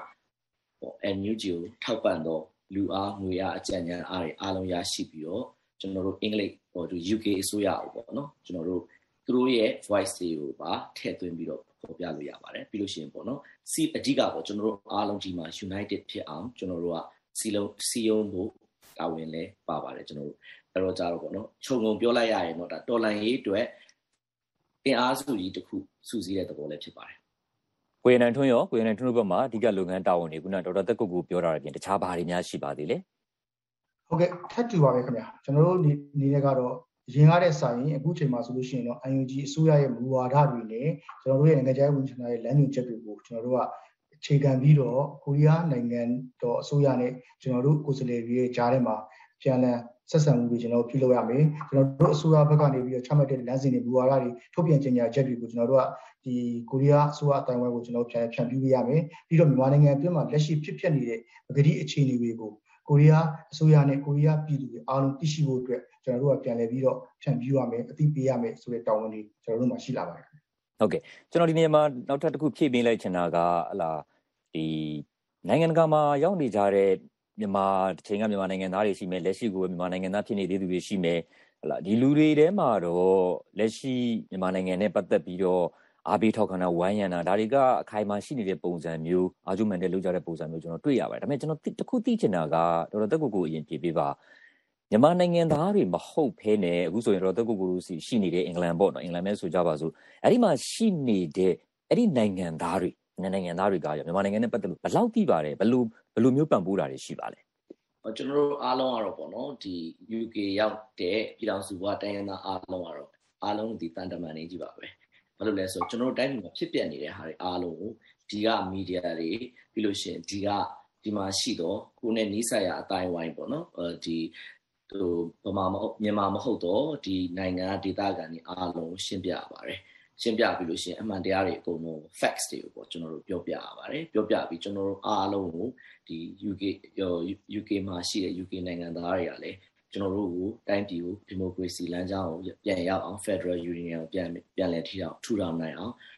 ထောက်ခံဖို့စီရင်ရပါတယ်အဲ့တော့ကျတော့နှစ်မျိုးစီရင်နေပေါ့နော်သူတို့ direct လဲစီရင်တာရှိသလိုပြီးလို့ရှိရင်နောက်တစ်ခုကဒီပါလီမန်ကတစ်ဆင့် local MP ကတစ်ဆင့် ပြီးလို့ရှိရင်အစိုးရတစ်ဆင့်လဲသွားပါတယ်ပြည်မီဒီယာတစ်ဆင့်လဲသွားပါတယ်အဓိကကတော့လေကိုရီးယားနိုင်ငံထုံးတို့ကိုရီးယားနဲ့မတူတာကျတော့အင်္ဂလိပ်တွေကဒီအင်္ဂလိပ်တွေလို့မပြောပါဘူး British တွေပေါ့နော်ဒီ UK ကလူတွေကကိုရီးယားလိုအဲ့လိုမျိုးအာနာရှင်တွေပါနဲ့သူတို့တွေ့ကြရအောင်အဲ့တော့သူတို့ကနားလည်မှုအရန်ပိုခက်တယ်ကျွန်တော်တို့မနေရှင်းပြရတယ်အဲ့တော့သူတို့တွေတစ်သက်လုံးကဘယ်သူလက်အောက်မှလည်းမကြဘူး ဘယ်အာဏာရှင်အောက်မှလည်းမကြဘူးသူတို့ကအမြဲတစ်သက်လုံးဒီမိုကရေစီနဲ့တကယ်ဒီမိုကရေစီမိခင်ကြီးလေအမေရိကနဲ့အင်္ဂလန် UK ဆိုတာဒီမိုကရေစီမိခင်ကြီးနဲ့ဖခင်ကြီးဖြစ်တော့သူတို့ကတိတ်နာမလဲအဲ့တော့တော်တော်လေးရှင်းပြရပါတယ်ကျွန်တော်တို့ဆိုဘုဒ္ဓကိုကျွန်တော်ဖြတ်မေးလိုက်ချင်တာတော်တော်လေးရှင်းပြရတယ်ဆိုလို့သူတို့အာဏာရှင်လက်အောက်လည်းမနေဘူးဆိုလို့တစ်ချိန်ကမြန်မာနိုင်ငံကအင်္ဂလိပ်ကျွန်ဖြစ်ခဲ့ဘူးတယ်ဆိုတာကိုတီကောတီကြရည်သိရလားသိပါတယ်ခင်ဗျဟိုအသက်ကြီးတဲ့လူတွေဆိုရင်တို့ကအရန်သူတို့မှာဟိုstrong ဟိုပေါ့နော် connection ရှိပါတယ် connection ရှိလို့လဲဆိုသူတို့ရဲ့ဘိုးဘွားတွေဟုတ်ကဲ့ဘိုးဘွားတွေဗမာပြည်မှာတိုက်ပွဲကြတော့အများကြီးရှိတယ်ဟုတ်ကဲ့အဲ့တော့ကျတော့တော်တော်လေးသိတယ်ဒါပေမဲ့အခု generation အခုခေတ် generation ကိုတော့တော်တော်လေးရှင်းပြရတယ်အဓိကပို့ဆိုတာပေါ့နော်ကျွန်တော်တို့အင်္ဂလိပ်လိုကဘာမှလို့ခေါ်တာဟိုမြန်မာလို့ခေါ်မှာမဟုတ်တာအခုသတင်းတွေမှာမြန်မာလို့ပါလို့ရှိရင်သူတို့ဘာမှနဲ့မြန်မာအတူတူပဲဆိုတာကိုပို့စာရှင်းပြอืมอืมဟုတ်ကဲ့ကိုရန်နိုင်ထွန်းကခုနကိုတက်ကိုကိုပြောသွားတဲ့အထက်မှာလည်းပါတယ်ကိုရီးယားဆိုတာကတော့ဟာလာအာနာရှင်လက်အောက်မှာ မြန်မာနိုင်ငံလိုပဲအချိန်ကြာကြီးနေကြအများကြီးတိုက်ခဲ့ကြရတယ်တေဆိုးမှုတွေလည်းနစ်နာမှုတွေလည်းအများကြီးရှိခဲ့တယ်နောက်ပိုင်းမှာလည်းမြန်မာနိုင်ငံရဲ့ကိုရီးယားရဲ့ဆက်ဆံရေးကအင်မတန်နီးစပ်ပါလားစီးပွားရေးလှုပ်ကြဒေဝူတို့ဟွန်ဒေးတို့ဆိုတာဗမာပြည်မှာကဘယ်လိုခေါ်မလဲနေ့စဉ်သုံးနေ့စဉ်လူတွေတိနေတဲ့တာမန်စကလုံးတွေတော့ဖြစ်နေပြီလေဟိုလူတွေထဲမှာရင်းနှီးတဲ့အမှတ်တစိတ်တွေဖြစ်နေပြီကုမ္ပဏီအမှတ်တစိတ်တွေဖြစ်နေပြီဆိုတော့ကိုရီးယားမှာက ကိုရီးယားမြန်မာမဟုတ်တဲ့တခြားကိုရီးယားနိုင်ငံသားတွေရဲ့ထောက်ခံမှုကိုရဖို့ကပိုလွယ်သလားကိုရနိုင်တော့သူတို့ရဲ့ထောက်ခံအားပေးမှုပမာဏဘယ်လိုရှိသလဲဗျဟုတ်ကဲ့ကျွန်တော်တို့ညှော်မှန်းထားတဲ့ချိန်တွေထက်ကိုပိုပြီးတော့အားကောင်းတာကိုကျွန်တော်တွေ့ရပါတယ်။ဘာကြောင့်လဲဆိုတော့ဆိုဆရာဒေါက်တာတက်ကူကိုပြောခဲ့လို့လေကိုရီးယားနိုင်ငံသူနိုင်ငံသားတွေကစစ်အာဏာရှင်တွေရဲ့လက်အောက်မှာသူတို့နေထိုင်ခဲ့ဘူးလေကြော်ဖြတ်ခဲ့ဘူးလေစစ်အာဏာရှင်တွေရဲ့ဖိနှိပ်မှုကိုဒဏ်ကိုကောင်းအောင်ခံစားခဲ့ဘူးလေအဲ့တော့သူတို့ကမြန်မာပြည်သူပြည်သားတွေကိုကိုရင်းစားတယ် အခုမှစတင်ပြီးတော့အညွန့်တလူနဲ့ဖြစ်ခါစားဒီမိုကရေစီအညွန့်လေးကိုစစ်အာဏာသိမ်းပြီးတော့မတရားတိုင်းပြည်ရဲ့အချုပ်ချာအာဏာကိုဆွဲယူရက်လီခြင်းဆိုပြီးတော့ကျွန်တော်တို့ကိုကိုချင်းစာတရားအပြည့်နဲ့ရင်ရင်းစေတနာမေတ္တာအပြည့်အဝနဲ့အင်တက်အားတိုက်အားပေးကူညီကြတယ်လူဒန်းစားအလွှာပြီးပြီးပါပဲကိုရီးယားပြည်သူပြည်သားတွေလည်းပါတယ်အလုပ်သမားတွေလည်းပါတယ်ပြီးတော့သာသနာပြုနေတဲ့ခရစ်ယာန်ဘာသာဝင်တွေဗုဒ္ဓဘာသာဘာသာဝင်တွေဘုန်းတော်ကြီးတွေကအစ ပါလာကြတယ်ပေါ့ဗျာလူဒန်းစားအလွှာပြီးပြီးပုဂ္ဂိုလ်အသီးသီးရဲ့အားပေးကူညီထောက်ခံမှုကိုကျွန်တော်ခံစားရတယ်နောက်တစ်ခုကကိုရီးယားနိုင်ငံမှာဆိုလို့ရှိရင်များမကြခင်ချိန်တွင်းမှာအဲနိုင်ငံရေးရရွေးကောက်ပွဲတွေလုပ်မဲ့အချိန်မှာဆိုလို့ရှိရင်ရွေးကောက်ပွဲကိုဝင်မဲ့ပုံကိုယ်တွေအကုန်လုံးကမြန်မာဒီမိုစီကြီးတော့ကိုအားပေးကူညီထောက်ခံခြင်းတဲ့လူတွေကသူတို့တဲ့တော့မှပြည်သူကိုရီးယားပြည်သူတွေရဲ့အားပေးမှုထောက်ခံမှုကိုကိုရနေတဲ့သဘောဖြစ်နေပါတယ်အဲ့တို့ကြောင့်မလို့ကိုရီးယားနိုင်ငံမှာဆိုလို့ရှိရင်နိုင်ငံမှာရှိတဲ့ဒေသအနှံ့အပြားမှာ မြန်မာနိုင်ငံရေးအတွက်တပ်ပုံပြပွဲပြပွဲကားဆက်ပွဲအမှုပညာရဲ့ရန်ကုန်မှုရှာပွဲအဲ့လိုပွဲတွေပွဲတွေကိုဒီပြည်နယ်ဝင်ကြီးတွေအားစားပြုလုပ်တယ်လို့တွတ်တော်အမတ်တွေအားလုံးကလည်းအကုန်လုံးဒီပါကိုအင်တက်အားတိုင်းနဲ့ပြုလုပ်တာကိုတွေ့ရပါတယ်အဲ့လိုပြုလုပ်လေကိုရီးယားပြည်သူတွေကပို့ပြီးတော့အားပေးလေထောက်ခံလေဖြစ်တယ်ဘယ်တော့တော့မှအားပေးမှုတွေရှိလဲဆိုလို့ရှိရင် copy site တွေမှာဆိုလို့ရှိရင် copy ခွက်တွေမှာဆို save မြန်မာမြန်မာပြည်ကိုကယ်တင်ကြပါလို့ ဟာလားနောက်ပြီးတော့ဒီ mass တွေပါဆိုလို့ရှိရင် covid ကာလဆိုတော့မြန်မာပြည်ကိုကယ်တင်ကြပါမြန်မာပြည်အတွက်ဝိုင်းရံကြပါအစရှိတဲ့စာတမ်းတွေကိုထိုးလာကြတယ်ကိုရီးယားအမှုပညာရှင်တွေကအစသူတို့ရဲ့ကိုရီးယားဘာရှင်းတဲ့မြန်မာပြည်ကတချင်းတွေကိုဒီမိုစီတချင်းတွေကိုပြန်ဆိုပြီးတော့ဟာလာပွဲတွေလုပ်ပြီးတဲ့ဒီတချင်းတွေကို YouTube တွေမှာထုတ်လုပ်တင်ပြကြတယ်အဲ့လောက်ရှိအားပေးမှုကတော့ကျွန်တော်တို့တကယ်အင်တဲ့အားတဲ့အမခန်းစရာရရှိပါတယ်ကိုရီးယားအမှုပညာဆိုဆိုလို့မြန်မာပြည်ကလည်းပဲညာလူများကြီးဟလားကိုရီးယား drama တွေကြည့်ပြီးတော့ကိုရီးယားစကားတွေနဲ့ရင်းနှီးကိုရီးယားမင်းသားမင်းသမီးတွေနာမည်တွေဆိုရင်အလွတ်တောင်ရကြကလေးနာမည်တောင်အဲ့လိုနာမည်မျိုးတွေပေးကြဆိုတော့မြန်မာပြည်သက်ကလည်းပဲကိုရီးယားနုပညာရှင်တွေအယူမှုဖြစ်ကြသူတွေကအများကြီးရှိတာဟုတ်ဗျဆိုတော့ကိုရန်တို့နည်းနည်းပြပြောပါဦးစီးပွားရေးလုပ်ငန်းတွေဘက်ကရောဘယ်လိုနေလဲဘာလို့ဆိုတော့စီးပွားရေးလုပ်ငန်းတွေကတော့ဟိုစစ်တပ်နဲ့ပတ်သက်တာတွေလည်းရှိနေတယ်ဆိုတဲ့အခါကျတော့စီးပွားရေးလုပ်ငန်းတွေရဲ့အနေအထားကရောဘယ်လိုရှိလဲကိုရန်နဲ့တော့ဟုတ်ကဲ့လက်ရှိကိုရီးယားနိုင်ငံရဲ့မြန်မာနိုင်ငံတွင်းမှာရင်းမှုနေတဲ့စီးပွားရေးလုပ်ငန်းတွေက ရင်းနှီးမြှုပ်နှံပြီးသောလုပ်ငန်းတွေရှိတယ်လို့ရင်းနှီးမြှုပ်နှံဆဲလုပ်ငန်းတွေရှိတယ်ဥပမာဒီကျွန်တော်တို့ဒလဘက်ကိုသွားတဲ့ဒီဟိုပင်လယ်မြေကူးဒရာဆောက်လုပ်တဲ့လုပ်ငန်းတို့ပြီးတော့ညောင်လင်းပြင်ဘက်မှာကိုရီးယားစက်မှုဇုံတို့အဲ့ဒါတွေဆိုလို့ရှိရင်ရင်းနှီးမြှုပ်နှံပြီးသားလုပ်ငန်းတွေဖြစ်နေတယ်အဲ့တော့သူတို့မှလည်းအဖက်ဖက်ကနေသူဟို စဉ်းစားရတာပေါ့ဗျာအဲ့တော့ကိုရီးယားမှာရှိတဲ့စီးပွားရေးလုပ်ငန်းရှင်တွေရဲ့ရင်းနှီးမြှုပ်နှံမှုကြီးကကိုရီးယားနိုင်ငံရဲ့စီးပွားရေးပေါ်မှာလည်းအများကြီးမူကြည့်တယ်တရားတယ်အဲ့တော့ကြောင့်မလို့ကိုရီးယားဒီအင်ပီယာတော်ကတော့တမန်တော်ကြီးကိုယ်တိုင်ကစတရားဝင်ကြီးညာထားတာကကိုရီးယားစီးပွားရေးလုပ်ငန်းရှင်များအနေနဲ့လက်ရှိအခြေအနေမှာမြန်မာနိုင်ငံကိုတွားရောက်ပြီးတော့ရင်းနှီးမြှုပ်နှံမှုတွေကိုစဉ်းစားချင့်ချိန်ပြီးတော့လုပ်ကြဖို့ နောက်ပြီးတော့စီးပွားရေးလုပ်ငန်းရှင်တွေရဲ့ရင်းနှီးမြှုပ်နှံမှုဒီစစ်အာဏာရှင်တွေကိုအကျိုးပြုစေမယ့်လုပ်ငန်းတွေကိုမလုပ်ကြဘူးနဲ့စစ်ရေးရနဲ့တော့၎င်းဒီစစ်ဘက်ရေးရပစ္စည်းတွေနဲ့ပတ်သက်ပြီးတော့၎င်းဆက်ဒီဆက်သွယ်မှုဆက်ဆံမှုတွေကိုတော့လုံးဝရပ်ဆိုင်းလိုက်တယ်ဆိုပြီးတော့ကိုရီးယားသမ္မတရဲ့အိန္ဒိယတော်ကနေပြီးတော့တရားဝင်အာဩဂတ်လ16ရက်နေ့ကထုတ်ပြန်ကြေညာထားပါတယ်ဟုတ်ကဲ့ဆိုတော့ကိုတက်ကူကိုလက်ရှိမှာကိုတက်ကူကိုတို့အဓိကဘာကိုဥတည်ပြီးတော့လုပ်နေပါလဲ အဓိကကျွန်တော်တို့လုပ်တာတော့ပေါ့နော် NUG အစိုးရကိုအသိအမှတ်ပြုဖို့ပေါ့နံပါတ်1ဒီနံပါတ်2ကမြန်မာပြည်ရဲ့ Federal Democracy စနစ်ကြီးထူထောင်ဖို့အတွက်ကိုဝိုင်းဝန်းကူညီဖို့ပေါ့နော်အဲ့ဒါကိုအဓိကထားပါတယ်ပြီးလို့ရှိရင်နောက်တစ်ခုကပေါ့နော်စစ်စစ်ကောင်စီနဲ့ဘာမှဆက်ဆံမှုမလုပ်ဖို့စစ်ကောင်စီကိုအသိမှတ်မပြုဖို့အဲ့ဒါလည်းပါပါတယ်ကျွန်တော်တို့တွေအဲ့တော့ပြီးရင်နောက်တစ်ခုကကျွန်တော်တို့ဒီမှာအမြဲတမ်းကျွန်တော်တို့ဒီအနောက်နိုင်ငံတွေဆိုတာအမြဲတမ်းကျွန်တော်တို့ကျွန်တော်တို့နိုင်ငံကိုလူလူခွင့်နဲ့အမြဲတမ်းစောင့်ကြည့်နေတဲ့လူတွေဖြစ်တယ် ပြီးလို့ရှိရင်ဒီ UK ဆိုတာလည်းဒီဟိုမှာလည်းပါတယ် G7 မှာလည်းပါတယ်ဒီလုံခြုံရေးကောင်စီ၅နိုင်ငံမှာလည်းပါတယ်ဟုတ်တယ်ရှင်အရေးကြီးဆုံးကတော့ဒီအားလုံးကမ္ဘာပေါ်မှာရှိတဲ့နိုင်ငံအားလုံးရဲ့မှာ UK ကတော့မြန်မာပြည်ကြောင်းအသိဆုံးပေါ့ဘာလို့ဆိုသူတို့ကိုယ်တိုင်အုပ်ချုပ်ခဲ့တာဖြစ်တဲ့အတွက်ပေါ့နော်မြန်မာပြည်တွေကလူမျိုးစုလူမျိုးစိတ်ပြဿနာတွေဘာတွေအကုန်သူတို့သိတယ်နော်အဲ့တော့နောက်ဆုံးအခုအရေးကြီးဆုံးကတော့ရိုဟင်ဂျာကိစ္စပေါ့အဲ့ဟာတွေအများနဲ့သူတို့က keep in touch ဖြစ်နေတယ်အဲ့တော့ကြတော့ပေါ့ အဲ့အဲ့ဒီအတွက်ကြောင့်သူတို့ကဟိုအစိုးရအနေနဲ့အကုန်သိတယ်အဲ့တော့ကျွန်တော်တို့အားရှင်းလင်းစရာမလိုဒီခါလေးကျရင်တစ်ဖက်ကတော့ဟိုဘာရှိလဲဆိုလို့ရှိရင်သူတို့ကဒီခုနကကျွန်တော်ပြောခဲ့တယ်လို့ပဲသူကနိုင်ငံကိုအတိအမှတ်ပြုတာပါအစိုးရကိုအတိအမှတ်မပြုပါဘူးဆိုရင်မူလဲလောက်တဲ့ရှိထားတဲ့အတွက်သူတို့တွေဒီအမြဲတမ်းလင်းတဲ့နှစ်ဖက်တော့နင်းကျင်နေတာပုံရှိတယ်အဲ့တော့ခုနက ကိုတက်ကိုပြောသလိုပဲဗြိတိန်ဆိုတာကကုလသမဂ္ဂလုံခြုံရေးကောင်စီဖွဲ့ဝင်နိုင်ငံလည်းဖြစ်တဲ့အခါကျတော့အခုဒီကုလသမဂ္ဂမှာမြန်မာနိုင်ငံကိုစားပြုမှုနဲ့ပတ်သက်ပြီးတော့ဆုံးဖြတ်တဲ့နေရာမှာလည်းရေးပါတဲ့နိုင်ငံတစ်နိုင်ငံအဖြစ်သူကပါနေမှာပေါ့နော်အဖွဲ့ဝင် credential committee အဖွဲ့ဝင်နိုင်ငံမဟုတ်ပေမဲ့သူကတွန်းအားပေးနိုင်တဲ့နိုင်ငံတစ်ခုအနေနဲ့ရှိနေတော့ဒီအချက်တွေကလည်းအရေးကြီးမယ်လို့ဟိုကျွန်တော်တို့ယူဆပါတယ်ဆိုတော့ကိုရန်နိုင်တွန်းတို့စီမှာရောကိုရန်နိုင်တွန်းအဓိကလက်ရှိမှာပေါ့နော်ဘာလို့ဥတီပြီးတော့လုပ်နေပါလဲအ ဓိကကတော့ကျွန်တော်တို့မြန်မာနိုင်ငံအတွင်းမှာဖြစ်ဖြစ်နေတဲ့အခြေအနေတွေကိုကျွန်တော်တို့ကိုရီးယားအစိုးရကိုကျွန်တော်တို့တင်ပြတယ်ပြီးတော့ကျွန်တော်တို့အစိုးရရဲ့ UNG အစိုးရရဲ့လှုပ်ဆောင်နေတဲ့လုပ်ငန်းစဉ်တွေကိုကျွန်တော်တို့တင်ပြတယ်ပြီးတော့မြန်မာနိုင်ငံအတွင်းကိုဟလာဒီကိုရီးယားစီးပွားရေးလုပ်ငန်းရှင်တွေတွားရောက်ပြီးတော့ရင်းနှီးမြှုပ်နှံမှုတွေမပြုလုပ်ဖို့ကိုကျွန်တော်တို့တင်ပြတယ်ပြီးတော့ဒီကိုရီးယားနိုင်ငံအစိုးရအနေနဲ့ကျွန်တော်တို့ရဲ့ UNG အစိုးရကိုတိမှတ်ပြီးဖို့နဲ့ UNG အစိုးရနဲ့အတူစီးပွားရေးနိုင်ငံရေးလုပ်ငန်းစဉ်တွေကို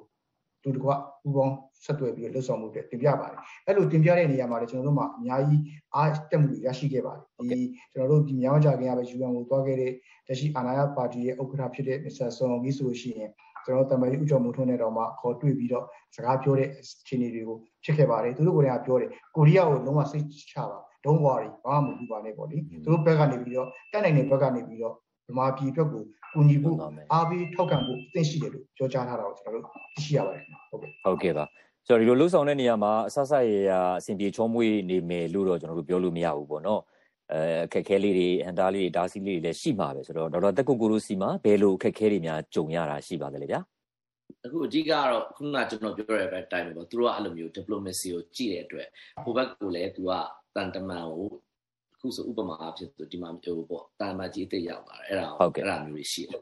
ဟိုလဲတာမအစ်စ်ပို့တယ်အဲ့ဒါကို European Union ကအဲ့ဒါဆိုအကြီးအကျယ်ကန့်ကွက်တယ်လေဟိုသူတို့ဘယ်လိုလုပ်တာလဲပေါ့ UK အစိုးရဒီလိုမျိုးကိစ္စဒါပေမဲ့ UK အစိုးရ always defend ဘယ်လိုလုပ်လဲဆိုတော့ဒါနိုင်ငံကိုဦးစားပြုတာသူတို့ရဲ့တန်တမကြီးကိုဟိုနေပြီးတော့သွားပြီးတော့ခန့်တော့မပေးပါဘူးလို့ဘာလို့အဲ့လိုမျိုးထိပါသူတို့နိုင်ငံတမန်ကြီးအလှည့်ပတ်လို့ပေါ့လေ